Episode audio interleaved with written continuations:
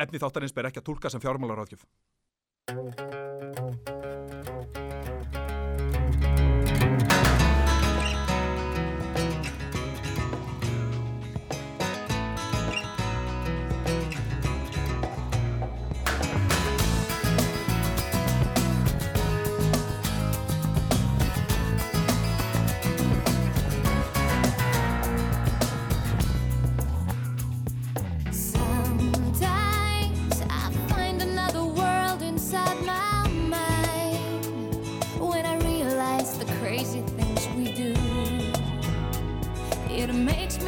Ashamed to be alive.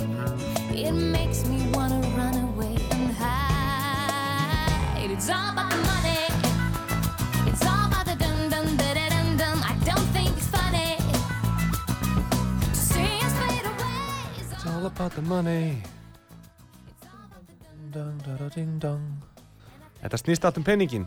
Það saði Maja og hún söng það á sínum tíma og við syngjum það enn þann daginn í dag. Fjárfesting, skemmtið þáttur um fjármálin.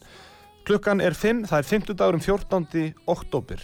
Komið sæl og blössuð Hákon Jóhannesson heiti ég. Mattias Tryggvi Haraldsson, hér ég er komin heim Útkomin heim, þú varst í Pólandi, við rættum við þig, eh, já ég rættum við þig þar sem þú varst í Pólandi Já, þú og Stefán Michaelsson Og. Og ég var á netinu Já, að tala við, við þrýr saman viðmælanda sem var einhvers staðar út í bæ já, já, já, já. Þannig að þátturinn var í raunin á þremur stöðum, Já. tveimur löndum Og þetta var, uh, þess maður geta, þetta var í fyrsta sinn í sögu, útvarssögu, þar sem þetta er reynd. Þetta er náttúrulega, við erum á brúninni í tækniframförum Já. og tæknitilraunum og fjárvinnu, hagkerfinu þar sem fólk er allstaðar og, og, og, og hvergi og vinnustæðurinn er allt umlíkjandi. Og við vorum auðvitað að fjalla um veðbanka fyrir viku síðan. Það er nú, koma daginn að það er nú ansi, ansi mikið, mi- að, miklu að taka þar og auðvitað eitthvað sem að beintengist fjármálaheiminum mjög mikið og þú kynnti mig fyrir veðböngum já, þú ert ástæðan fyrir því ég, ég þekki þá einmitt. bæjarinn vann mestaradildina Já, já, já, þú er náttúrulega tippaðir á það. ég og- tippa á það, Já, þú, já, sagði, já. þú ráðlaði mér það til Já. svona skemmtunar Einmitt, nákvæmlega. Já, við erum auðvitað með stúdfullan þátt í dag, svo það sé sagt, og minnum auðvitað á það að þátturinn er nú aðgengilegur á, á öllum helstu streymisveitum. Uh, má þar nefna Spotify og uh, Apple uh, Podcasts. Og uh, já, það er mikið gleðiefni og, og því ber að fagna og við hvetjum ykkur til þess að kíkja á okkur á streymisveitunum. Þeir sláðu bara inn fjárfesting og þá erum við þarna, ættum við félagarnir að, dúka þarna upp. Nú, viðskipta fyrirsagnir vikunar, þær eru þetta á sínum stað. Við opnum á Við, síman eh, Við opnum á síman og, og símin, símin uh, verður opinn á eftir. Uh, það er þetta 5, 8, 8, 19, 94. nú hafa sko hlustendur sendt mér skeiti, persónuleg skeiti á Instagram og, og Facebook og sagt mér finnst þið ekki gera nóg úr síma tímanum mér finnst það að hann ætti Já. að vera lengri og ítarlegri einmitt. og við ætlum að taka það til okkar í dag við ætlum, að, við ætlum að leifa, hafa opið fyrir síman bara, bara lengi vel. Já, já, og, og ég meina, við, og fólk getur í raun og veru hringt inn hvernig sem er, 5, 8, 8, 19, 94, en áður en lengra er haldið þá ætlum við að tilkynna það að eh, þema þáttarins hjá okkur í dag eru rafmyndir. Og nú kannski eru margir hlustendur heima hjá sér eða í bílnum eða, eða hvar, eh, hvar sem er að hlusta og reka upp stór augu. Rafmyndir. Uh, já, við sögðum rafmyndir það, er, það er auðvitað uh, svona mjög uh, mikið framtíðar hugtak og, og, og, og svona margir vilja meina það að þetta verði já, sé vaksandi afl og muni vaksa, halda áfram að vaksa og, og ná miklum hæðum. Þegar við vorum að byrja með þessa þætti við vorum að tala við Artrúði hérna út af sögu, útastjóra um að gera þessa þætti, skemmti þátt um fjármálin þá hugsaði ég að þetta er því stóri þátturinn. Já, þetta er þátturinn sem, sem þörf er á já, þetta er þátturinn sem mun, mun upplýsa hlustendur og skemmta. Já, og, og þetta er þátturinn sem ég hef beðið eftir að gera persónulega. Já. og ég meina við, við töluðum náttúrulega líka um það að, að þessi, það geti vel farið svo að við þyrftum að vera með, með, með sko uh, Framhaldsþátt. tvo, já, tvo, tvo parta, tvo þætti um rafmyndir Þetta er í rauninni framhaldsþáttur af bæði fyrsta þættinum sem fjallaði um peninga Já. og hvernig þeir virka allir saman Mm. og síðan var það sko hérna, klinkosæðlar já, og, og núna erum við komin í tölvuna alveg já, einmitt við erum komnir í, í tölvuna og, og já, við ætlum að ræða við hann Gunnar Jörgen Viggósson uh, sem að ég ætla nú bara að kynna sem raðmynda sérfræðing en spurning hvernig hann mun taka í þá kynningu ég ætla bara að spura hann út í það eftir. En uh, hér handan við hornið ætlum við að fá viðskipta fyrirsagnir vikunar við ætlum að byrja á því að heyra eitt uh, lag og það er lagið uh, Aerodynamic með Daft Punk og svo eru það viðskipta fyrirsagnir vikunar fáum lag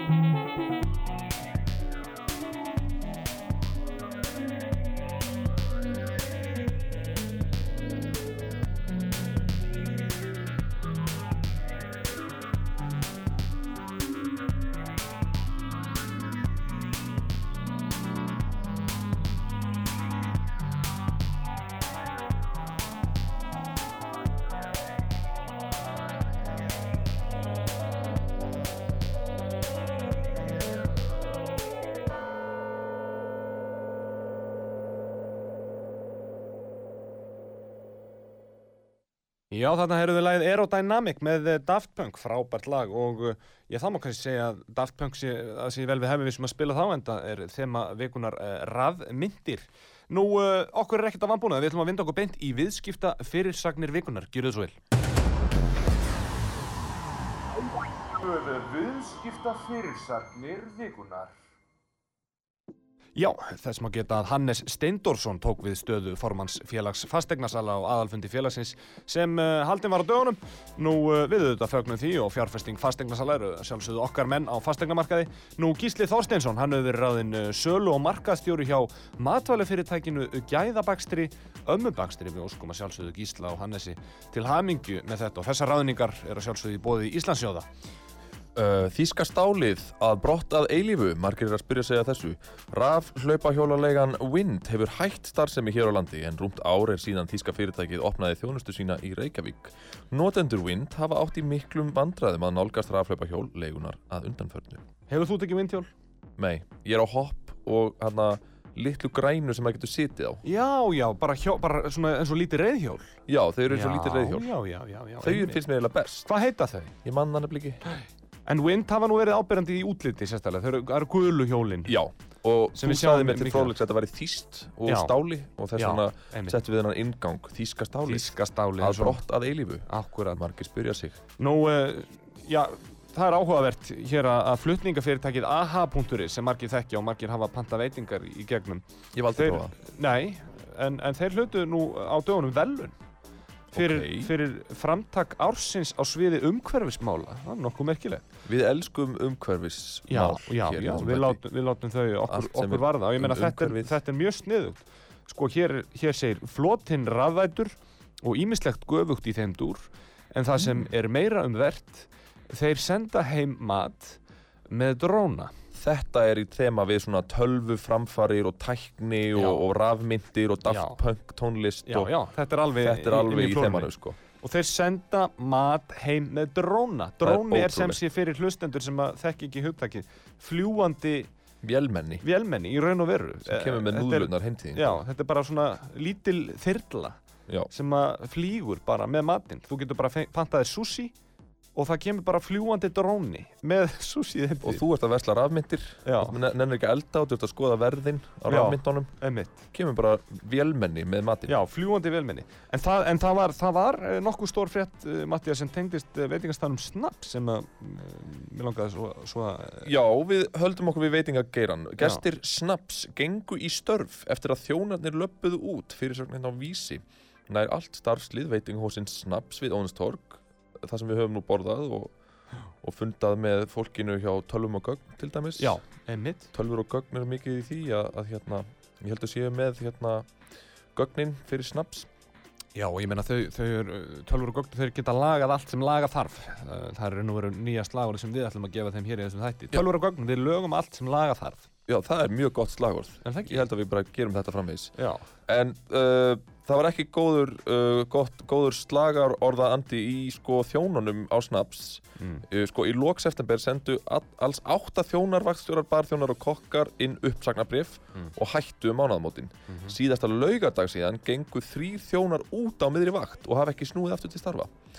Og sko fyrfirandi starfsmenn segja að óánægjan snúið að launakjörum, undirmönnun, lagri gæðastjórnun og alvarlegum samskiptavanda sem hafi komið upp í kjölfar stjórnenda skipta á veitingastanum. Já, þetta lítur ekki vel út fyrir, fyrir snaps, það verður nú bara að segjast. Þetta er ekki, ekki, Þetta er ekki alveg þeim til framdráttar, nei. Þetta er ekki svona frétt sem kallar á grænar tölur. Já, ég er að spá áður en við hoppum beint í næstu frétt, eigum við kannski að le leiklesa hérna viðtal uh, þessa bladamann sem gerði þessa frétt við uh, Þórir Helga Bergsson, rekstrastjóra snaps. Já, þetta er svo skemmtilegt hvernig þetta er sko, sko blaðamaður skiptir um stíl og fer bara Já. í svona leikrit. Já, Og ég ætla að leika blaðamannin og Já. Hákon leikur uh, Þóri uh, nýja rekstrastjórana snaps. Já, þá ætlum við bara að gera þetta, þannig að við gerum þetta formlega. Nú verður flutt uh, útvarsleikritið Allt í góðu á snaps.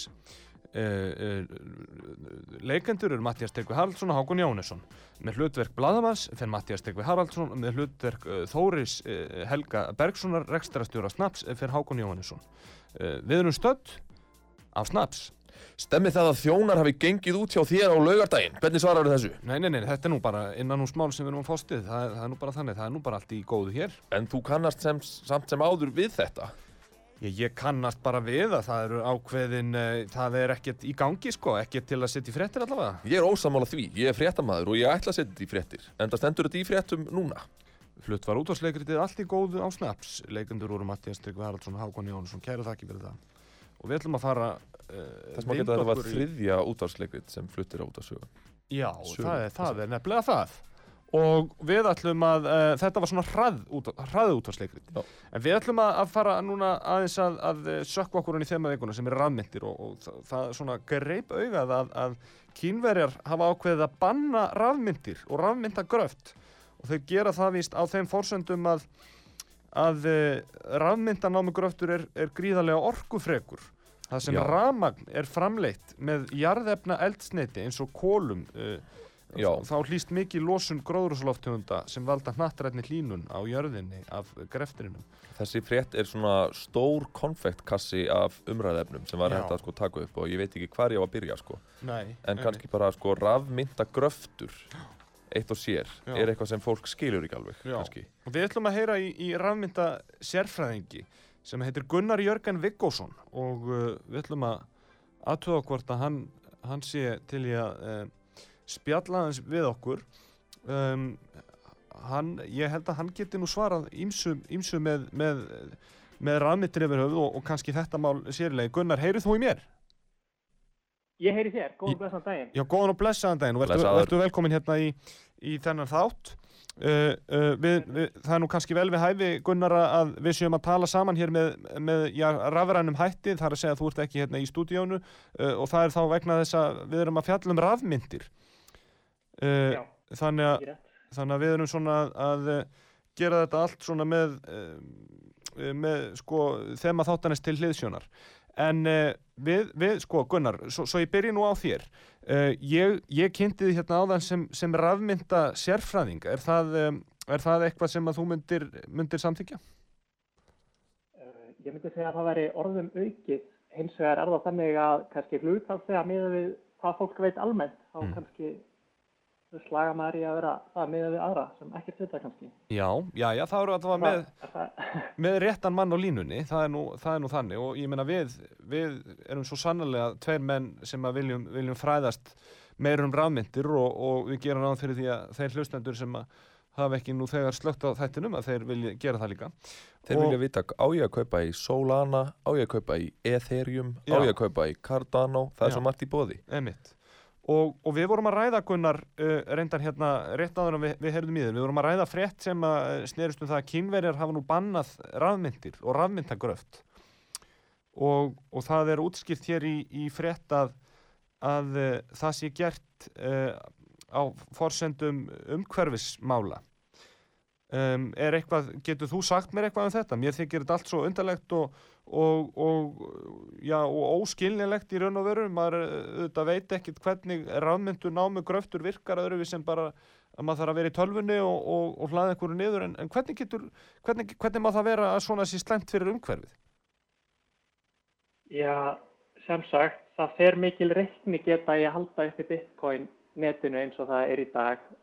Tölfur nota mikið veist, leita á Google, veist, nota ramagn og kostar orku og Já. ef að orkuverin sem eru að, er að gefa þessu orku eru í Kína og brenna kólum, þá er það vissulega að losa mengun út í umhverfið, það er nú Já. en hins vegar þóttum mér gaman að þú notar orðið undarlegt vegna þess að sko þegar maður er að skoða eitthvað eins og alþjóðlega pólitík eða alþjóða pólitík þá eru oft aðgerðir og svo eru útskýringar og það Já. þarf ekkert að vera Ah. sama sem merki á milli aðgerðana og, og útskýringana oft er bara einhverju svona slengt fram sem er svona hálf trúarðugt sko á heimssviðinu já, Ok, af hverju þá að í raunveruleika? en ég myndi ekki taka þetta ég meina ímyndum okkur bara samskipti bandaríkjana og Kína bara á heimssviðinu mm Mhm. kannski er einhver, er þetta hlut, er þetta spilapeningur í einhverjum díl um að bandaríkin fái meiri völd yfir bitcoin networkinu uh, með því að mænirarnir séu þar það Já, gæti nú já. bara verið möguleiki ef að flestir eigendur bitcoin eru til dæmis bandarískir að bandaríkin telja sig að hafa hagsmunni geta og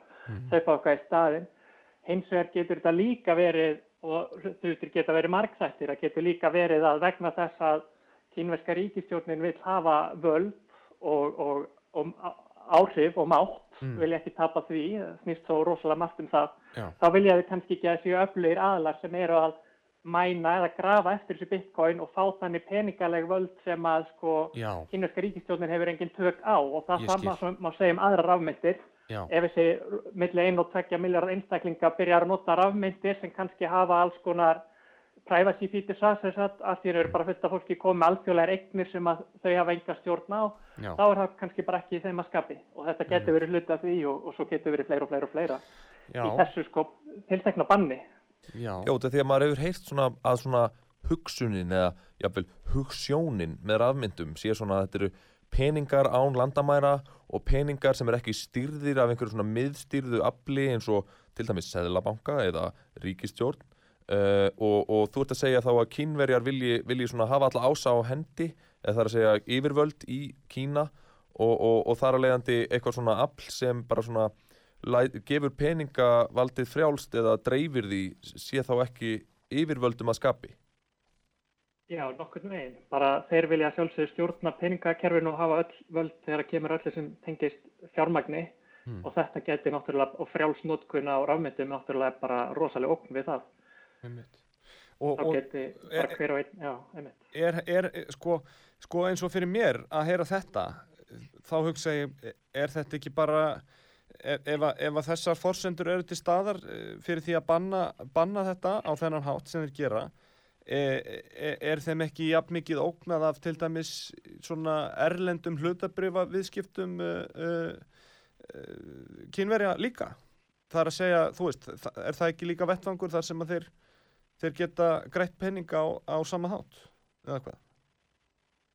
Um, það væri allavega torveldara að þess að flytja eignarhald á verðbrjöfum og slíku bara í daglugum viðskiptum innanlands. Sem rafmyndir gæti gert væri bara að gera öllum kleift að eiga bara hverskins viðskipti á hvaða smáa skala sem er Já, já, bara ósynileg fyrir kynuskum yfirvöldum Já. til dæmis. einmitt En Gunnar, sko, vissulega eru kínverjar að reyna að loka, að vera með fjármagnshöft og, og það er verið að syndla þeim og þetta er svona köttur og músleikur eins og með allt.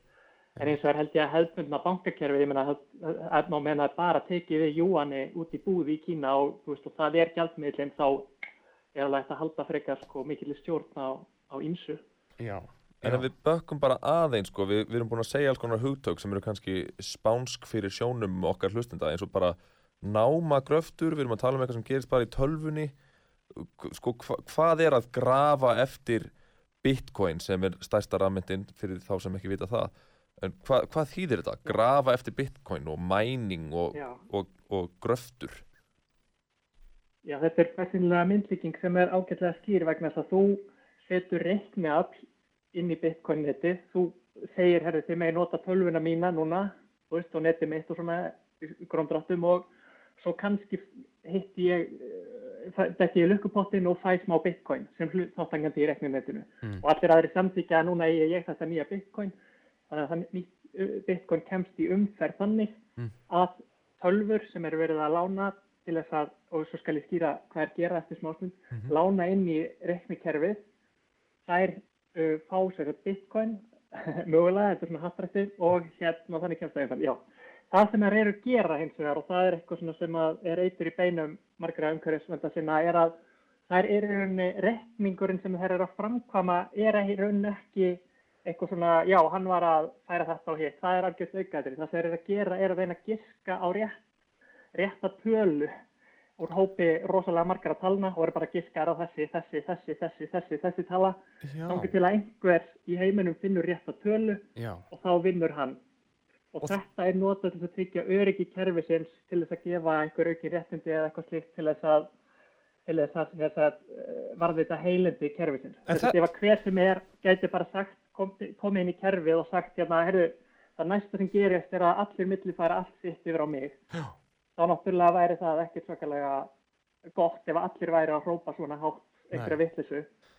nei, En með þessum hætti er, er minn núverandi skilningur og það er eitt áhugavert við þetta er að á einhverjum tímavandi þá kannski sér maður að maður kannski svona maður tekur í burt hvað skiptir máli. Eins og þegar við notum heimabankan okkur dagstaglega eða, eða erum að pæla í honum þá erum við aldrei að pæla. Þú, hvað gerir reiknistofa bankana? Er, skrifar hún, þú veist, sér færslunar á blað eða þú veist, eða hvað, eitthvað svona segulteip eða skiluru já, færslutnar allt svo bara færslutnar maður gleymir, maður gleymir í rauninni veist eins og myndlíkingin er bara þú veist, maður nota bara heimabankan, bitcoin mining bara það er verið að halda uppi þessu reikninetti sem allir geta tekið þátti og tengst við í gegnum interneti Mm. og hvaðin er sá að fá þetta bitcoin. Þannig að já, í dag þarf sérhæðan tölvubúna til þess að þessi hagnar von í því að því að ramagn kostar peninga. Mhm, en, en það er þannig að þeimun færri sem að taka þátt í þessu ég haldi upp í kerfinu, þeimun meiri fjárhagslegur hvati er fyrir fólk að koma inn og þannig næst eitthvað jafnvægi. Svo Og- er þetta mikið gaggringt fyrir að vera þess að mengandi já, og þá hafa mótbyrgin verið hjá sagt, eh, frummælendum bitcoin eða meðmælendum svo að þetta noti samt sem að áður mun minna ramagt heldur en sambarileg þjónusta á hefbundin hátt. mm, Ég finna að það kostar að halda upp í bankabyggingunum og ramagninu þar og starfseminni þar. Já, þannig að þegar við, Uh, við tölum um sambarilega þjónustu þá erum við að tala um bankastarfsemi Það er að segja sambarilega er þjónustu og rafmynda Já, þjónustu, já En, en, en þetta er mjög áhugavert og, og, og, og þú útskýrir þarna hvaðin er til þess að fá bitcoin og, en þetta er bara, ég meina fyrir mér þá, þá er þetta bara ég meina, það má líka þessu bara við við varum öll að spila bingo og, og sömur væru bara með tíu bingospjöld en, en aðrir væru bara með hálft Já, það stemmir. Ef þú kaupir tíu skjákort, þá ertu Já. með tíu svona meiri líkur á að fá bitcoin heldur en að það er bara með eitt Já, spjald. En ef þú ert í Kína þá máttu ekki vera með neitt bingospjald. nei Nei, Það nákvæmlega. fréttir Þú dagsins. mátt ekki vera með bingospjald í Kína, þeir eru, eru búin að taka það. En þetta er nú ekki fyrsta sem maður heyrir af einhverju svona banni í Kína. Einhver, það er alltaf verið að reyna að Nei. þrengja að þessu og alltaf Já. verið bitcoin einhvern veginn dúkka aftur upp hausnum. Já. Já, Þetta hefur verið bara frá því 2010 að það sé verið að flytja fréttir að því að Kína sé að banna bitcoin og la la la la og ég veit ekki hvort það er bara hvort þetta er svona eitthvað mím eða eitthvað grín sem að næra alltaf flugi eða hvort það er hafa verið að því eða hvort þeir hafa í rauninni verið að spila einhver svona skákskilurum með að þykjast alltaf banna og ná verðinu niður og þú veist, þeir náttúrulega hafa sína hagsmuni, ég meina hvað myndið þið gera ef þið getið hreift fjármálumarkaði heimsins, myndið þið ekki, þú veist, aðeins fykta í því, sérstaklega að það væri bara erlendi ríkisborgar Jú, það er rosalega erfitt að svara þessari spurningu neytandi sko vegna þess að, eða játandi í, í raun og veru að því að, að því að þegar maður hefur svona, ef maður hefur svona í höndunum þá auðvitað, þá auðvitað hérna, myndi maður auðvitað grípa til alls konar aðgerða. Ég myndi náttúrulega koma mjög neikvæðri frétt um snaps í umferð veitingahúsi við Óðinstorg. Já, Svo myndi ég kaupa í veitingahúsinu og svo myndi ég byrta jákvæðar fréttir um snaps Já. og selja síðan. Einmitt, Þá var ég búinn að kaupa ódýrt og selja dýrt. já. Og Sem kannski, er væntalega markmiðið í, í bitcoin og öðru. já. En, en, en nú eru sko, Gunnar, nú eru til, nú eru til svo mikið, af, sko, til svo marga tegundir af rafmyndum. Um, er, veist þú hvað eru til margar tegundir af rafmyndum í heiminum? Er einhver leið að vita það? Eh, þúsundir. Það er svona síður sem skrá svona verðin og staðrindir um rafmyndir og e, svo næst stærsta skrá er 9714 rafmyndir. Mm. Þannig að það er svona kringum 10.000 og ég veit ekki hversu margar af þeim getur talist make a sense. Ég myndi svona skjóta 2000 ef ef, það var einhver með byssu við höfuð mitt. Já, einmitt. Já, einmitt. Þú, þú talar einmitt um byssu, byssu við höfuðið. Sko, við, við auðvitað eigum það til að mála upp slíkar aðstæður þar sem að viðmaldur okkar eru, eru jafnvel með byssu við höfuðið en, en, en ég vil taka það mjög skýrt fram að þetta eru auðvitað staða sem við óskum, óskum engum og, og, og við erum bara að setja þetta á svið. Uh, um, En segjum sem svo að það kæmi maður með byssu og Já. þú ert í húsasundi og hann miðar byssuna að þér og hann spyr í hvaða rafmynd á ég að kaupa til að græða peninga sem allra fyrst og nú er ég alls ekki að byggja um fjármálar ráðgjöf ég vil bara heyra þetta til fræðslu og skemmtunar já, hann myndi spyrja þessu núna bara í dag. Klukkan Já. er bara að verða hálf, hálf sex hérna 15. 14. oktober bara. Já, ég myndi segja um að kaupa banana coin sem er einhvers konar grínmynd.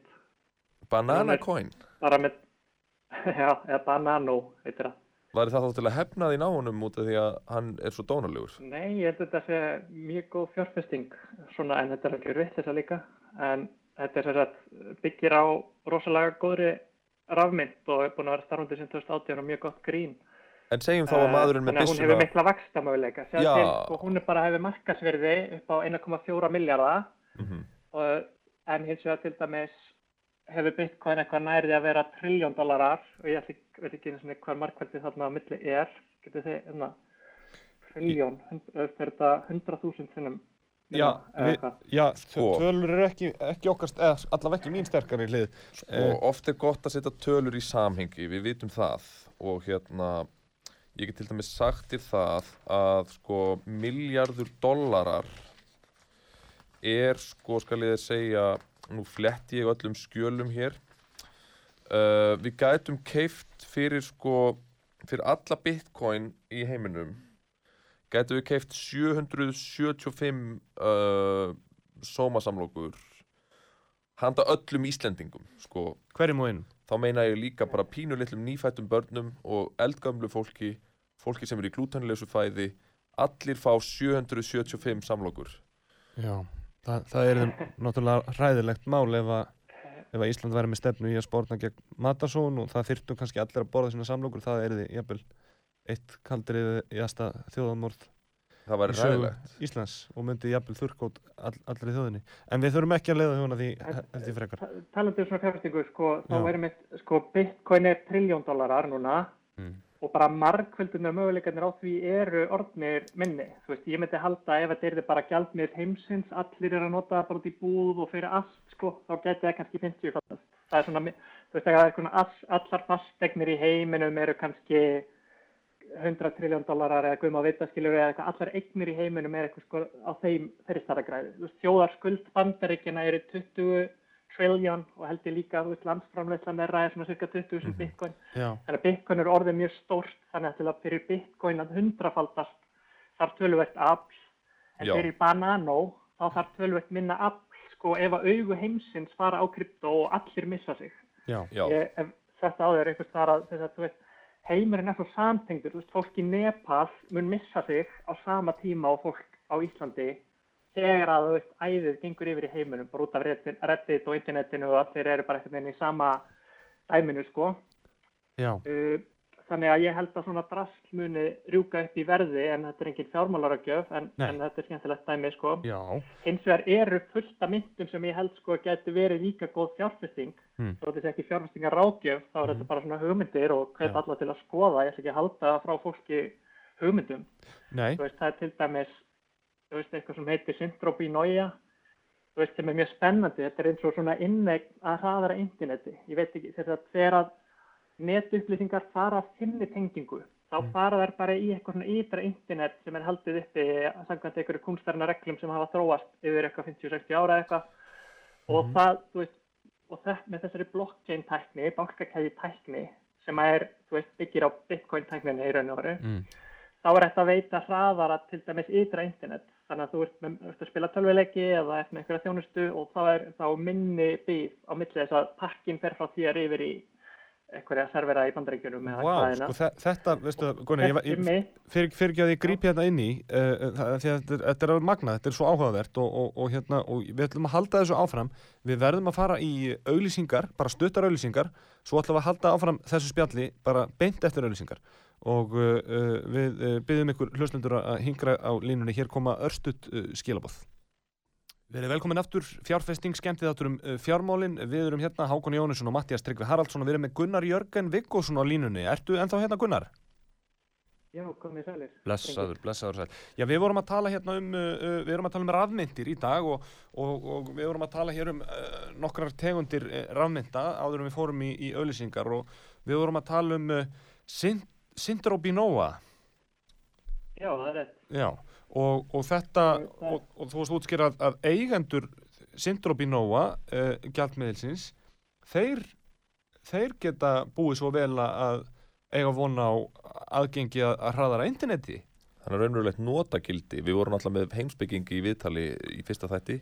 Og hún sagði sko það er notagildi og, og skiptagildi. Já, og skiptagildi á kannski við allar þessar rafmyndir en þarna er líka notagildi, þú getur notað Já. rafmyndina til að fá hraðara internet já, Já, það eru margir sem að spá því að sko, það sem muni vera mjög stórt í rafmyndum sé sko utility tokens eða svona einmitt innviði, innviða miðar sem að hafa notagildi eins og já. þetta væri dæmi um þar sem að þetta er eins og innegn. Bara ég myndi ykkur ef þetta farsíma innegn hefði þú veist, verið gefin út sem rafmynd og einhver hefði getað sankað að sér 10% af, af sko, farsíma innegn í heiminum eða hvað skilur eitthvað farlegt. Hún hefði náttúrulega vaksið í verði frá því hann fjárfesti árið 95. En mér langaði að segja bara að því að við erum að tala um fjárfestingar hliðir afmynda að veist, fjárfesting hefur kannski tvo megin þætti, það er annars vegar hvað eitthvað er og svo hvað þú greiðir fyrir hana. mhm, Þannig að náttúrulega þetta væri kannski góð fjárfesting ef þetta kostaði 10 krónur mhm. ég, í heldina, allir miðarnir, ég geti lofað eitthvað því, en ég hef náttúrulega ekki hugmynd um hver ágóðin verður út frá núverandi verði hvað tekur langan tíma fyrir þetta ávastast og slíkt en, en þetta er sannlega gríðarlega áhugavert og það er alveg fólk til dæmis í þessu, þetta er ekki neitt grím. Einn af segja að bara aðal tækni aðlunum var meðstofnandi í fyrirtæki sem er núna verðið 76 miljardar dollara sem eru í samlokum alveg gríðalegt magn. Það Eh, er Þannig að þetta er ekki bara einhver bílskúrsband. Nei, nei, einmitt, þetta er- þetta eru alvöru- Þetta eru tækni risar. Já, þetta eru alvöru tölur og, þe- og þetta er greinilega eitthvað sem er að reyðja sér til rúms. Ég held að það sé alveg á hreinu og, og kannski þeimun meiri ástæði fyrir okkur að, að kannski vera með framhaldsþátt um rafmyndir og þá væri nú sannur heiður að fá að ræða aftur við þykkunar, Jörgen. Takk fyrir það. En, en, en svona rétt aðra við sláum botnin í, í þetta viðtal hér í dag, uh, Gunnar, er, eru einhverjar svona fleiri rafmyndir, einhverjar svona einhverjar aðrar skemmtilegar sem að þú vilt nefna bara svona þetta rétt undir lokin sem að, sem að veri, Og núna erum við ekki í húsasundi með byssu, Nei. við erum bara á, á kaffihúsi Já. með latti að spjalla um daginn og veginn og já, þú við, svona, við, við skulum segja að við séum að fá okkur lattin til að taka með og við séum Já. svona, þurfum að eiga bara mjög stutt samtal bara, heyrðu, hvaða rafmyndir eru hérna, svona skemmtilegar? Hákon, hann tekur svona út Airpods Pro-in sín, svona úr öðru eiranu, bara Já. til þess að rétt svona gauka þessari spurningu Já, að þér. Hvaða rafmyndir myndir hlera nefna þá? Já, þetta er náttúrulega erfitt að ímynda sér þetta því að við erum nú í útvart allra landsmanna. Ég var náttúrulega erfitt með að, ég held að fólk myndi kannski taka þessar fjárfestingar á átgjöf sko. já, en við, við En þær eru nefnilega ansi margar góðar sko. Já. Þær eru margar góðar. En við höfum Það er oft sagt að þessum þætti að þetta er ekki sem fjárfestingar á Matic hvað? Matic. og undirmeðendin mín hefur skilgrænt fjórar myndir, myndir sem svona það sem að er svona eitthvað einhvern veginn merkilegast fyrir mér. Já, Ég var að kaupa í Matic áður fórum. Matic. já Matic Það er magnað. Ég held að hún sé undirverðilög. Hún er í rauninni eitthvað sem að hjálpar Ethereum næststærstu myndinni að virka betur, svona á barnamáli Já. og ég held að hún hef ekki fengið aðtikli sem að hún mun eiga skilið. Já, Litecoin held ég að sé áhugavert. Það er eins og Bitcoin nema hraðara og hún ætla að það líka fyrir hvað verðið er sem að borgar. Ég held að hún sé undirverðilög með því svona væpið sem að mhm, hún gefur frá sér. Ok, Svo er það Silica sem er svona Ethereum alternative Já. eða eitthvað sem getur komið í staðin fyrir það og svo man ég ekki fjóruða. Er það eðlilegt? Er það ekki svo að gleyma nafninu á börnum? Er það Chainlink? Er er það Chainlink? Nei, það er ekki. Er það, er, er það Cardano? Við erum að, að bjóða mér aftur. Er það, digi, er það Digibæt? Já, það er Digibæt. Það er. Það er er fjóra. Ég get sagt þér það, Ég á í Digibæt Já, það tala sínu máli. Já. Það er geðastiffir. Og ég var að kaupa í Matic, þetta er ótrúlegt. Já, Stjörn, það er einhverja og stjörnur fyrir ofan okkur. Já, ok, þetta, en, en sko Gunnar, þetta er bara dásan, sko, þakka þig kærlega fyrir spjaldi. Ég, ég tala, sko, tala örgla fyrir okkur báða, okkur Mattias, þegar, þegar ég segja að við getum nú alveg verið hérna, verið hérna þó það væri kannski ekki bara klukkutími viðbóta að spjalla um þetta. En, eh, en eh, við verðum vist að halda, halda áfram með, með þáttinn og halda, halda þessum bolta á, á, á lofti, en þetta var gríðarlega áhugavert að að fá því í þetta spjall þó, þó stutt hafi verið Gunnar og þakka þið bara kærlega fyrir. Takk fyrir mig, kærlega. og uh, við heyrumst vonandi bara aftur einhvern tíman í, í þessum þætti, verður blessaður er. Já, þarna heyrðum við Gunnar Jörgen Vikkósinni, Mattias, þetta er nú þetta er nú stór heimur og ég, verð að segja það fyrir mig að, að hann, hann er þarna að opna mínu augu allavega fyrir, fyrir þessu og, Já, ég og, get og stærðinni sko, Ég, já, þetta er rísastór heimur. já, Ég get upplýst hlustendur um það á meðan við vorum í auglýsingum áðan, þá, þá fylgdi ég hans ráðgjöf, sem var samt ekki ráðgjöf, svona ga gaman eh, hugmynd, að hérna kaupa í Bananacoin. já, já, já, já, Þannig ég á núna í Bananacoin og Matic og, það er nefnilega og það náttúrulega smá í Bitcoin líka. Vi- Já, bananakon, ég held að ég myndi kaupa mig líka bananakon Er það þetta. ekki? Jú, en ég meina, við, við- eins og ég segi, við viljum áreita að þetta er ekki fjármálaráðgjöf og, og, og við hvetjum fólk til þess að vera ekki að eða umfram efni, þetta er nú bara svona ef að, ef að menn vilja leggja eitthvað til hliðar sem að þeir eh, eru tilbúinir að forna í, í, eh, í svona spákaupmennsku sem þetta auðvitað er, að. Þá er þetta auðvitað í lagi en, en, en þetta er bara rétt eins og ég meina, mér fannst ágætt að, að, að, þegar ég var að tala um veðbankana hérna fyrir vikur síðan að að, að svona á einhvern hátt er hægt að bera, bera þá saman við hlutabræðiðskipti og líka við rafmyndakaup. Náttúrulega sérstaklega fyrir leikmenn eins og okkur, veist, við erum ekki sérfræðingar. Nei. Og við erum ekki að vinna í þessu allan daginn, sko. Nei, þannig að þetta verður alltaf spákaupmennska eins og fyrir okkur. En ég bara horfi á 5.000 krónur seðlum minn sem er einn ennþá frá því við vorum að tala um seðla á klink, hann er einn á borðinu á Já. mitt okkar. Já. Og ég horfi á hann og það er bara fjárfesting í íslensku krónunni og, annað er banana coin og hérna, þetta er bara val. Einmitt, Þú getur valið hva- hvar þú bindur þitt fjö, þitt Já. verðmæti, þitt, þitt, þínar eignir. Og við höfum nú talað um það áður eins og þetta að, að það er, það, það hafa sko svona ráðleikinga til þeirra sem er að reyna að viðhalda penning eða, eða eiga penning áfram að, að það sé ekki ráðlegt að, að eiga allan penningin á sama, eina á sama staðnum. Nei, ég er ekki að selja húsið mitt og setja allt í bananakvæn. Nei, nei, og, og hérna, og, og ég meina til dæmis bara, þú ert ekki heldur að selja húsið þitt og setja það allt í rafmyndir, myndi, myndi maður Nei. halda. Þú veist, þó svo að kannski einhverjir myndi vera ósamála því og segja, já, þú getur gert það, en, en þá gætur líka sagt, já, þú getur líka verið með hluta í rafmyndum og verið með hluta í, í uh, hjá Íslandsjóðum til dæmis, þar sem að hlutabrifin eru líka að rjúka upp og eru, eru græn og fín. Og, uh, Þau eru það oft. Já, þau eru það æði oft. Uh, við auðvitað erum líka í bóði Brain, bókald og ráðgjöf og, og, og það væri nú áhugavert að heyra hvað hún, hvað hún Björk hjá Brain hefur að segja um raðmyndir Já. af því að það var nú, það var nú alveg mjög áhugavert að tala með henn um reyðu fyrir hérna Já, og við, við fórum út í vangaveltur um bara hérna, heim án reyðufjés. Já, Hvernig heimur er það? já, Og allar þessar greiðslu miðlar á fjár, fjárhyrða, kallaði hann þá. já, Visa og Verifone og, og Paypal og hvað þeir heita allir. já, og og, og rafmyndir kom inn í þetta spjall bara með, með mjög áhugaverðum hætti held ég. Ég índi meina að bara bitcoin og, og íslenska krónan séu bara fljótandi um í tölvuheiminum og, og, og hérna, þetta er allt bara tölur og gröf og, og, og myndir á skjánum. Já, já. Eh, það, það er alveg þannig og, og ég meina þetta er þetta bara, þetta eru svo sannlega ótróðna slóður sem, sem að við erum þó búinir að tróða svona aðeins, við erum, við erum svona, við erum kannski ekki komnir inn fyrir hliðið en, en við erum ennþá fyrir utan hliðið og við erum jafnvel búinir, búinir að búinir að leysa fyrsta hnútin uh, uh, af bandinu sem er, sem er hérna bundin uh, uh, til þess að hliðið sé lokað Við stöndum við hliðið, við virðum fyrir okkur skráargatið, við erum að leita að liklunum í vasanum. Já, það og- er þessi þáttur. Já, og, og, það, er- og, og sko snjóskablin er aðeins búin minka, það er aðeins orðið hlýra í veðri og, og við erum svona, við erum að feta réttan veg. Nú, uh, það var pistill sem hún, hún uh, Vigdís Hafleðadóttir, sérstakur ráðgefið þáttarins, tók upp uh, pistill um rafmyndir. Við ætlum bara að heyra þennan pistill og, og, og halda síðan áfram. Fáum pistill eftir uh, Vigdísi Hafleðadóttir, gjör þessu vel. Vilt þú græða peninga, kannski fullt, fullt af peningum? Með því að fjárfesta í rafmyndum eins og Bitcoin, Ethereum, Litecoin, Cardano, Polkadot eða Chainlink gæti þú, kæri hlustandi, stórgrætt. Vinkona mín hefur þrefaldað þá uppæð sem hún fjárfesti fyrir og ég veit um mann sem græti 20 miljónir á tveimur árum með því að fjárfesta í Bitcoin. Það er hægt að gera margt fyrir 20 miljónir.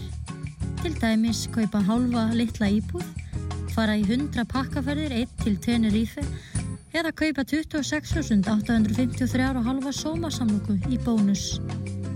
Það er hægt að græða afar mikinn pening á stuttum tíma með því að fjárfesta í rafmyndum. Það eina sem þú þarfst að gera er að eiga þegar nokkuð mikið eigið fjö, kaupa hlutabrif á réttum tíma og selja það á réttum tíma. Til þess þú annarkvort hefni eða að búa yfir djúbstæðum skilningi á hvernig markaðurinn virkar og hvaða upp eða niðursveiflur eru væntalegar og hefni. En vilt þú kannski tapa pening, kannski öllum peningunum sem þú fjárfesti fyrir? Með því að fjárfesta í rafmyndum getur alls konar gerst því verðgildi rafmynda er mjög óstöðugt. Það eina sem þú þarft er að vera ekki heppin og þú gætir tapað öllu. Fyrir tapaðan pening getur ekki gert neitt nema kannski hugleitt brosna drauma um pakkaferðirnar sem aldrei verður farið í eða samlokurnar sem aldrei verða borðaðar. Þetta er Vigdís Hálegadóttir fyrir útvarpsögu.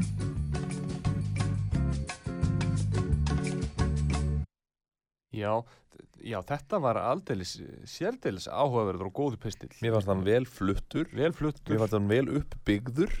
Og skýrbygging Sammála og tónlistarvalið fannst mér líka mjög Já, skemmtilegt. já, þetta var áhugavert í alla staði, getur við sagt, og, og, og hún talar þarna um, uh, undir lokin talar um tapaðan pening, Já, Dregur- brosna drauma, þetta var drauma- já, þetta var ljóðrænt og dregur upp svona mjög harm, harm, harmræna mynd af, af því sem getur gerst á, á æfi manns. Ég sá fyrir mér svona einmana mannesku sem er leikin af Adam Sandler og Já. hún er að hugsa um alla pakkaferðinar sem hún fór aldrei í. Já, einmitt. Og hún saði reyndar, hún þekkti, þekkti þarna mann sem að græti 20 miljónir á tveimur árum, það er mjög áhugavert. Um, Mér leikur fórhundin á að vita hversu mikið hann hafði á milli handana þegar hann setti í þetta til þess að byrja með. Hverju breytt hann í 20 miljónir? Það Já. var auðvitað áhugavert að vita það. En, kannski eitthvað af þessum rammyndum sem hún taldi upp já, já, emitt. Og, og ég líka kannski bara eins og hún saði líka, hún saði reyndar það eina sem hún þarf að gera er, og þá komu no- nokkrir hlutir sem var til dæmis það að eiga peninga svolítið, svolítið pening myndi handana Já. en, en uh, engu að síður 20 miljónir á tveimur árum er, er,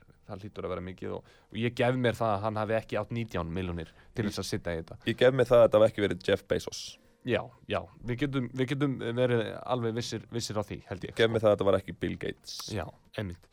Uh, uh, en hún já, sagði líka, var, það voru varnaðarorð í þessum pistli. Já, einmitt. Hún sagði að verðið á þessum rafmyndum er óstöðugt og, og jafnvel sko sagði hún að þetta gæti orðað engu. Mm, og já, þá er væntanlega, það er myrkspá um Mm. það að rafmyndir bara hreinlega að þetta sé bara bóla og, mhm. og, og nullist út Já. og hérna, Já, ég meina, hlutir eiga það til að núlast út í, í, í fjármálaheiminum og í, í fjárfestingagerinum og, og ég meina, við sáum það í bankarhruninu að, að, að þar núluðust heldur betur hlutirnir út. og þú, þú ert að tala um bankarhunni 2008 Já. og þar gekk náttúrulega mikið á og, og þeir sem ekki þekka það geta hort á kvikmyndina The Big Short til þess að klokka sig á því sem Frábær mynd þar gekk á með Já. sem að gerði líka þættina Succession sem að eru að, að gefa út sína þriðju seríu núna bara eftir örfáa daga. Já. Það er, eru þættir sem að er vel við hæfa að tala um hér líka í þessum þætti vegna þess að þeir þættir fjalla um ríkustu fjölskyldu bandaríkjana og, og uh, fjallar um fólk sem að ég setur peninga og það að græða peninga uh, efst í sína forgangsöðun í sínu lífi og það er ekkert sem víkur fyrir því og það er mjög áhugavert að sjá samskiptið þessa, þessa fólks en það er opið fyrir síman Já, símin er 588-1994 Við viljum endilega heyra í, í þeim hlustendum sem að vilja uh, heyra í okkur. Og uh, já, það er hægt að ræða við okkur rafmyndir. Ef þú hefur reynslu af rafmyndaköpum endilega heyrðu í okkur, ef þú hefur ekki reynslu af rafmyndaköpum heyrðu endilega í okkur.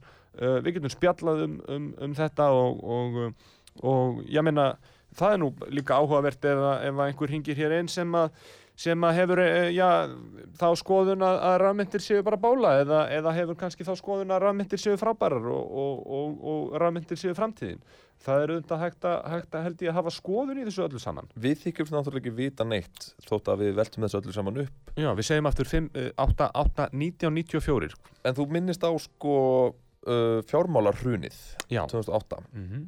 og það var einmitt uh, einhver kall sem vinnur í banka á Já. Englandi Já. Og hann heit, heitir Sir John Cunliffe og John Cunliffe, Sir. John Cunliffe og hann vinnur hjá banka í Englandi Mm. og hann varar við því að rafmyndir eins og bitcoin Mm.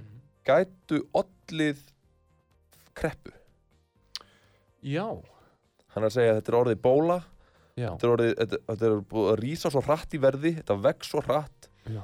án þess endilega að sé fótur fyrir því uh, og herra Cunliffe vill að, að ríkistjórnir komi með uh, sterkari svona regluverk í kringum þetta en það er vist komin hlustandi á línuna, gjörðu svo vel Halló, halló, eru þið með? Já, það heyrist í þér. Eh, Hvað heitir þú? Ég heiti Axel Tómasson, Já, komdu blessaður, sætla Axel. blessaður sæl. Ég vildi bara, ég vildi bara þakka ykkur strákum alveg fyrir, bara fyrir frábæra það. Þetta Já. er rosalega gaman. Já, já, heyrðu, það er nú gaman að heyra. byrja, en gaman Já, nú, já, fyrst aðeins, nú byrjaði ég sko þessa vegferð með ykkur í dag, þá var ég umferðinni. Já, Og það var nú meiri umferðin, getur sagt þér. Já, Og núna er ég að en- enda, enda þessa vegferð með ykkur í dag. Og ég er að elda hérna mat, heima. Heyrðu þið? já, en skemmtilegt. Við, við, við, við, fylgdum þér úr vinnunni og, og heim í eldús. Já, og, og, mér finnst þetta svolítið skemmtilegt, sko. Og hva, hvað er þetta? Ég er hérna með kjúklingabringur. Já, já, Ég er að steikja kjúklingabringur. Og það eru hrísgrón Já, og síðan er ég með hérna lambakjöt. Já, og lambakjöt Lambakjöt líka sem býður, já, já, það er tvírækta. Það er alltaf tvírækta á 50. já, það er ánægilegt að heyra. Þetta er nú skemmtilegt. Við höfum nú, Axel, þér að segja, ef þú, ef þú, ef þú heyrið þannig þátt, við vorum nú að fjalla hérna um mat fyrir, fyrir ekki svo lengur síðan. Og þetta er auðvitað eitthvað sem að sem að eldamennska er eitthvað sem að við viljum, viljum efla og, og, og tala um akkurat. En, en hefur þú eitthvað átt í, hefur þú einhverja einhver reynslu eða einhverja skoðun á, rafmyndum, Axel? Í- Nei, ég er nú óskup uh, blöður á baku heyrun í þeim málum, sko. Það. Já, En það var nú áhugavert að heyra hvað hann var að segja já, og, einmitt. og, og Gunnar. þetta er alltaf áhugavert en, en er þetta ekki svolítið hættulegt? Já, já, það er auðvitað góð spurning og ég held að, jú, jú, ég meina ég held að þetta sé hættulegt alveg eins og spákaupmennska sé, er, er hættulegt. Núna var lambið að fara á pönnuna, Já, já, Já, já, líka. kjúklingurinn komin inn í opn. En hvað segirðu, er, er þetta ekki bara svolítið hættulegt að, að vera að stunda svona viðskipti með eitthvað, pening á netinu? Já, ég meina, ég myndi Jú, segja bara, fjá, sko, jú, það er, stuttasvarið er jú, myndi ég halda. Já. Að svo, ég, ég á þá ekkert að vera að stunda þetta. já, ég myndi ekki segja það, ég myndi, ég myndi, ég myndi segja, sko, maður á ekki endilega að forðast allt sem getur mögulega verið hættulegt, maður á kannski bara að fara með aðgátt og, og sína ábyrgð, sko, uh, þetta er alveg svo þegar, að, sko, við sjáum mikið af forvörnum, Uh, uh, sko gegn fjárhættuspilum þá er oft, oft sagt sko spilaðu af ábyrgð. Já. Uh, og, og já. það hlýtur að vera hægt að segja á sama hátt í, í, á rafmyndamarkaði og hlutabriðamarkaði en því er að skipta uh, fjárfestu af ábyrgð eh, eða hvað, hvað finnst þér Þá Axel? kaupi ég svona. Ég, hvað kaupir maður svona? Hvernig getur maður komið stað þessu? Já, Er þetta, er Það- þetta eitthvað, eh, það eru nokkri staðir ég veit til dæmis um Já. eitt, eitt stað sem ég hef eh, framkvæmt mín rafmyndaviðskipti það er á, á Já. hérna uh, Bi- Binance eins og Finance nema Binance Bitcoin er Finance. Það tengt þarna, þarna, eh, bisexual, eitthvað svoleiðis? Nei, það er tengt, Bitcoin en, en Bitcoin, já, já, já. bisexual eh, er, er auðvitað svo annað hugtak sem er auðvitað líka gaman að ræða Það er Já, alltaf skemmtilegt uh, um þessar rafmyndir að þær spyrja ekki um kyn og ekki um kynneið. nei, Já, er það ekki? rafmyndirna sjálfar gera það kannski ekki en, en ég held að Hvað er rafmyndin, er, er það ekki hún rafmyndin? Hún rafmyndin, jú, ég held að það sé, Já. það rétt hún rafmyndin, Já, já, ég, ég vissi það. og þær En rafmyndirnar þetta er mjög áhugavert. Ég, ég, ég, ég held ég bara dendi mér í það að kaupa eina, eina þær. Já, eina tvær og, og, og þú, þú getur þá, það er hægt að hlusta þáttina aftur, hann verður endurfluttur hérna nokkur sinnum á, á útvarpi sög og svo er einnig að nálgast hann á Já. Spotify og, og hann auðvitað nefndi það að það var engin fjármálar aðgjöf hjá hann Gunnar í Jörgun en hann, hann talaði þarna um Nú, Bananacoin og, og Silica, Digibyte, Litecoin og, og Matic og það, það eru að ímsa taka í þessum efnum ef, ma ef maður vill, vill sjá af, af örfáðum örum til þess að fjárfesta Já, er Hvað, hvað segir þú um það, Axel? þetta er bara mjög áhugavert og mjög spennandi. En eins og þú segir, líka mjög hættulegt. Já, já, já, já. Þa, það er, eh, maður var að passa sig núna getur ég sagt ykkur hitin á pannunum minni núna Já. Heyrðu, þetta eru svona 200 gráður þetta er hættulegt getur ég sagt ykkur en Já, ég vil bara takk, takk Mattias takk Ákon fyrir, fyrir frábæran þá herðu og- Axel, vel, vel útlistaða umræðu um, um, um málefni sem eru ekki rætt og, og, og, og, og, og hana nú. Takk, takk fyrir og verði þér er að góðu Axel. þakka þér Það er- kærlega það fyrir, er- Axel. það er kjúklingur og lamp Já, Og mikið ertu huggulegur. og það er, hérna, maður segja rjóma seffarsósa Já, það er ekkert annað. Þá segir við náttúrulega bara bon appetit Heyrðu, heyrðu. úr, er Já, Axel, við ætlum að leifa þér að, við ætlum að leifa þér Ég að, verð að fara núna. já, allt í lagi, Axel. Ok. Við sjáum- Já, takk fyrir mig. Takk fyrir að ringja. Hann myrtist vera í, að brasa eitthvað. Já, þarna. ég, Hann- ég vona að það hafi ekki kviknað í hjá honum. En, Ég vona það líka og ég En- vona að hann fjárfesti af ábyrð ef hann kýsa að skoða þetta betur. Já, já, ég held að, að hérna, Og ég held að við ætlum að ráðleika einhverjum að gera eitthvað þá er það fyrsta lagi að elda góðan mat heima hjá sér eins og hann Axel og að sko kynna sér málin áður en að það Já. er vaðið áfram í að já, setja mikla peninga niður. og ég held að það sé líka ágættis þumalputaregla í þessu öllu saman að, ekki eigða umfram efni þegar maður er að, stunda spákuppmennsku og, áhættu fjárfæsningar. Já og þegar maður er í eldhúsinu þá er mjög gott að hafa reikskinjarana í lagi sem er heyrðist vera tilfellið hjá Axeli já, uh, og við minnum á að símin er ennþá opinn. já, 588-1994. Við gætum náð inn 588-1994. Við vorum að spjalla með hann Axel Tómasson. Hann var að elda lambakjöt og kjúklingabringur og uh, já, notaði rjómasósu með. Þetta er nú eitthvað sem að, já, vakti áhuga minn allavega. Uh, það verður nú gaman að, að, að prófa að kíkja í eldúsi því á Axel Tómasson einhvern daginn. En, og eh, sko, mér finnst svo örlagaríkt að við skulum vera með þennan þátt í dag, Hákon. Já, út af því að við ætluðum að hafa hann í síðustu viku uppálega já, já, sagt, við ætlum að hafa þemað rafmynd. Já, það er að Já. segja að við ætlum að tala um rafmyndir uppálega í síðustu viku. Já, og, og höfum lengi talað um það að þetta verði, þetta verði til tals hér. já, og þá var ég stattur í Pólandi þannig að mér langaði að vera sko viðstattur með þér Já. þegar við töluðum um rafmyndir. Já, það var eiginlega svona mikilvægt, sko, að, að við myndum vera hérna saman, sko, að, að ræðum rafmyndir og, og, og, viti menn, já, í dag gerist það að mínar bitcoin fjárfestingar Já. eru komnar á null já, einmitt. Það er gerðist bara í dag. ég er komin út úr uh, tapinu sem ég er búin að vera í. Já, ég sem sagt, ég svona fór svolítið geist fram þegar bitcoin var í fréttum í vor Já. og lagði full mikið niður uh, meira en ég kannski hefði átt að gera með hvað ég vissi lítið um þetta. Já, og kemur ekki bara dífa einmitt. Harkaleg dífa. við erum búin að vera í að ná okkur upp úr þessari dífu í, í verði bitcoin þar að segja uh, æ síðan og í dag er ég komin á null aftur þannig að ég, ég er bjart síð Já, og, og, og þólinnmæði borgar sig það á við um allar fjárfestingar held ég já, og hérna, og bara í lífinu borgar það sig að vera þólinnmæði já, já, þólinnmæði er digð. Það er Já. bara svo leiðis. og það á við um bitcoin eins og annað og, og þessi og, þess, og, og ég meina þú ert komin í nullið Já.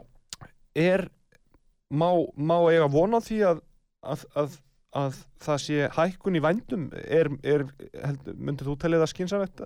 Og nú erum við ekki í nefni fjármála ráðgjöf eins og við höfum margótt tekið fram.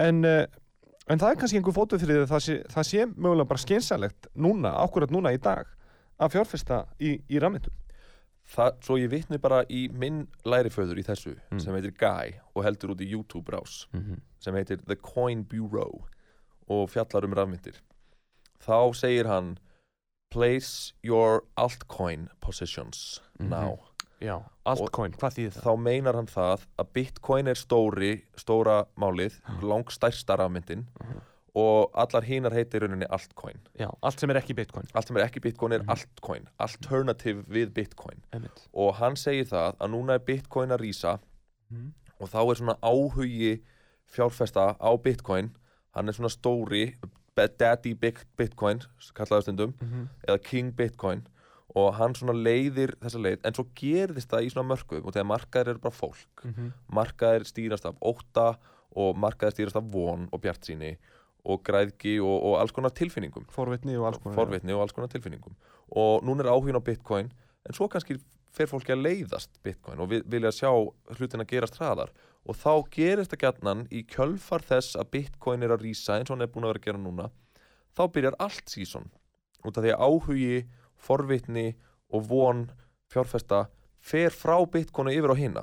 Já, það hann er að segja núna á, á sínu YouTube og í sínum, ég er á postlista hjá honum þá hérna, þá segir hann sko hérna, verið tilbúin fyrir allt sísonið með því að vera búin að kaupa í allt núna, allt, er að segja minni rafmyndum Já. Og þess vegna kefti ég Matic það var að hans leiðsögn Já, það er nefnilega það og ég meina og, og er einhver leið að segja hversu langt þetta allt í svon mun, muni vera? Nei, og það er það sem er hættulegt Ge getur verið allt í svon sé minn en einn mánuður? Eða þú veist, Ég- þú er ekki að fara með það sko. Nei. og það er það sem er hættulegt, maður veit ekki hvernig toppurinn er fyrir en eftir á Já, það er nefnilega það. Ég held að það sé nokkuð lust að við, við gætum vel tekið annan heilan þátt og rætt um rafmyndir áfram, uh, Mattias. Er það ekki rétt uh, metið það mér? þetta getur verið bara hljóðbók Já, en uh, já, við nefnumst því miður til þess að uh, segja skilja við þennan þátt í dag klukkan ánum 6 en uh, já, tíminn flög heldur betur frá okkur, Mattias og þetta var ekki fjármálaráðgjöf, uh, ekkert fyrir enn fyrir daginn ekki með einu eða neinu móti fjármálar ágjöf ég hugsi ég fá að mér sómasamlóku núna Já, nákvæmlega, það er bara vel til fundið. Við uh, verðum hér aftur að uh, viku liðinni. Næst uh, verðið sæl. Fjárfesting, skemmtið þetta um fjármálin. Við kveðjum ykkur hér í dag þennan fallega 50 dag, 14. oktober sjáumst að viku liðinni. Verðið bless, eða við heyrumst reyndar öllu heldur að viku liðinni. Fjárfesting, skemmtið þetta um fjármálin, við kveðjum ykkur hér í dag, Mattias, eitthvað sem þú vilt segja að lókum? Ég er bara að segja hérna Matic, Banana Coin, Bitcoin, Potato Potato bara Já. velji hver fyrir sig. Já, og, uh, og þó það væri Digibæt eða Silica ef við myndum bæta þeim þarna inn í. Eða punkt X. Við þökkum kærlega fyrir okkur fjárfesting uh, skemmtiðáttur um fjármálin. Við erum hér aftur með okkur að vikuliðinni eins og áður uh, sagði. Hlökkum til að vera með okkur í næstu viku. 50 dagurinn uh, 14. oktober er uh, að líðandi lók, svona hvað á hverju. Verið sæl, sjáumst að vikuliðinni, best best